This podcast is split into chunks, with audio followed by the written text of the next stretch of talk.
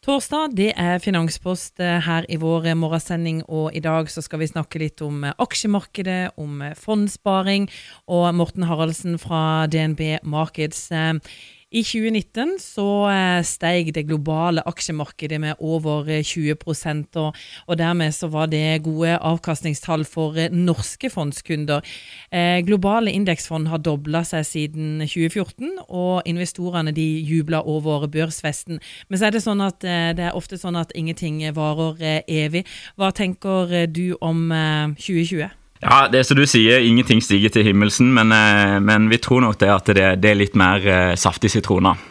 Um, selv om global vekst er fallende og, og estimatene for 2020 ligger på, på ca. 3% så legger vi til grunn til at vi unngår denne harde økonomiske landingen i 2020. Uh, noe som er toneangivende for om børsene og aksjemarkedet har troa om det skal gå opp eller om det skal gå ned.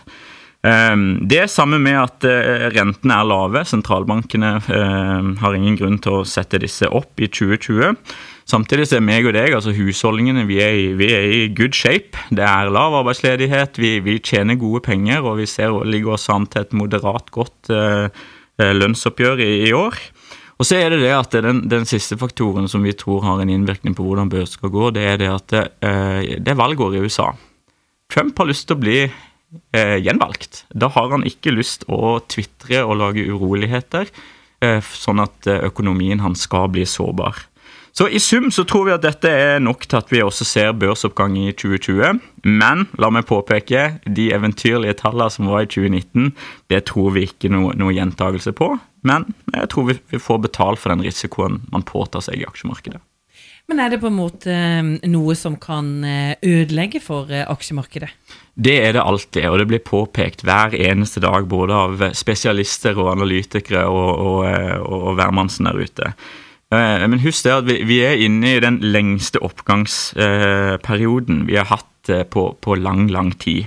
Så risikoen for at vi kan få noen økonomisk jordskjelv som vil prege aksjemarkedene, det, det er absolutt til stede.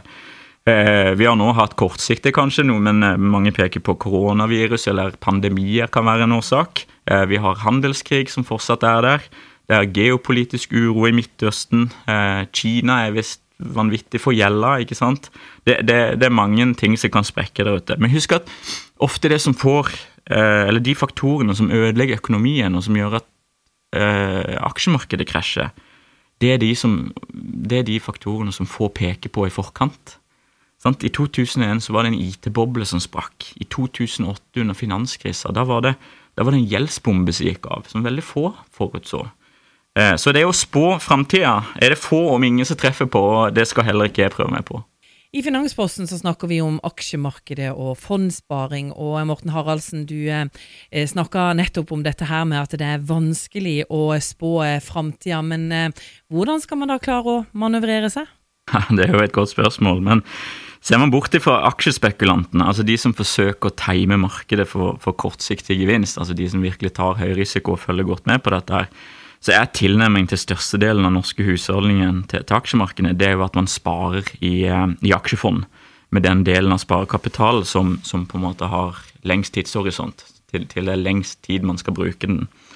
Eh, typisk sparing til pensjon, til barnas første bolig, besteforeldre sparer til barnebarn, den type. Med en fast spareavtale så kjøper du da fondsandeler på ulike tidspunkt, også når markedet faller. Altså På den måten så vil effekten av opp- og nedturen i markedet jevne seg ut over tid, og, og da reduserer du denne risikoen som, som, ligger latent i aksjemarkedet.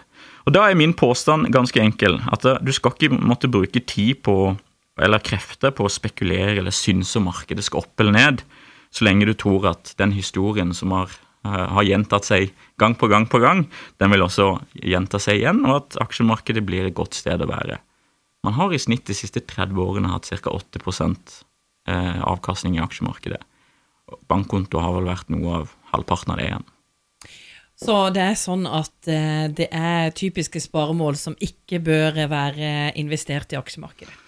Det er det, og de er det mange av. Eh, hver husstand er, er, ulik. Men mitt råd er at sparing til sånn kortsiktige ting som bufferkonto og, og eh, ferieturen til sommeren og, og andre kortsiktige sparemål, det, det, setter du på sparekonto.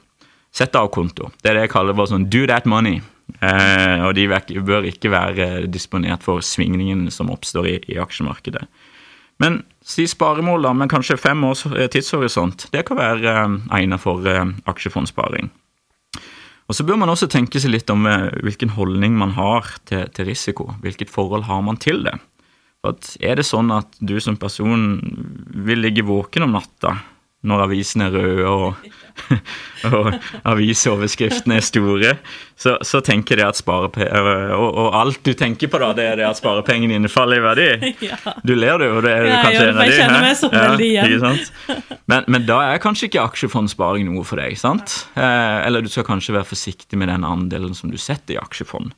Så, men poenget er at er man usikker, så ta, ta kontakt med banken din. Der får du gode råd om, om uh, fondssparing.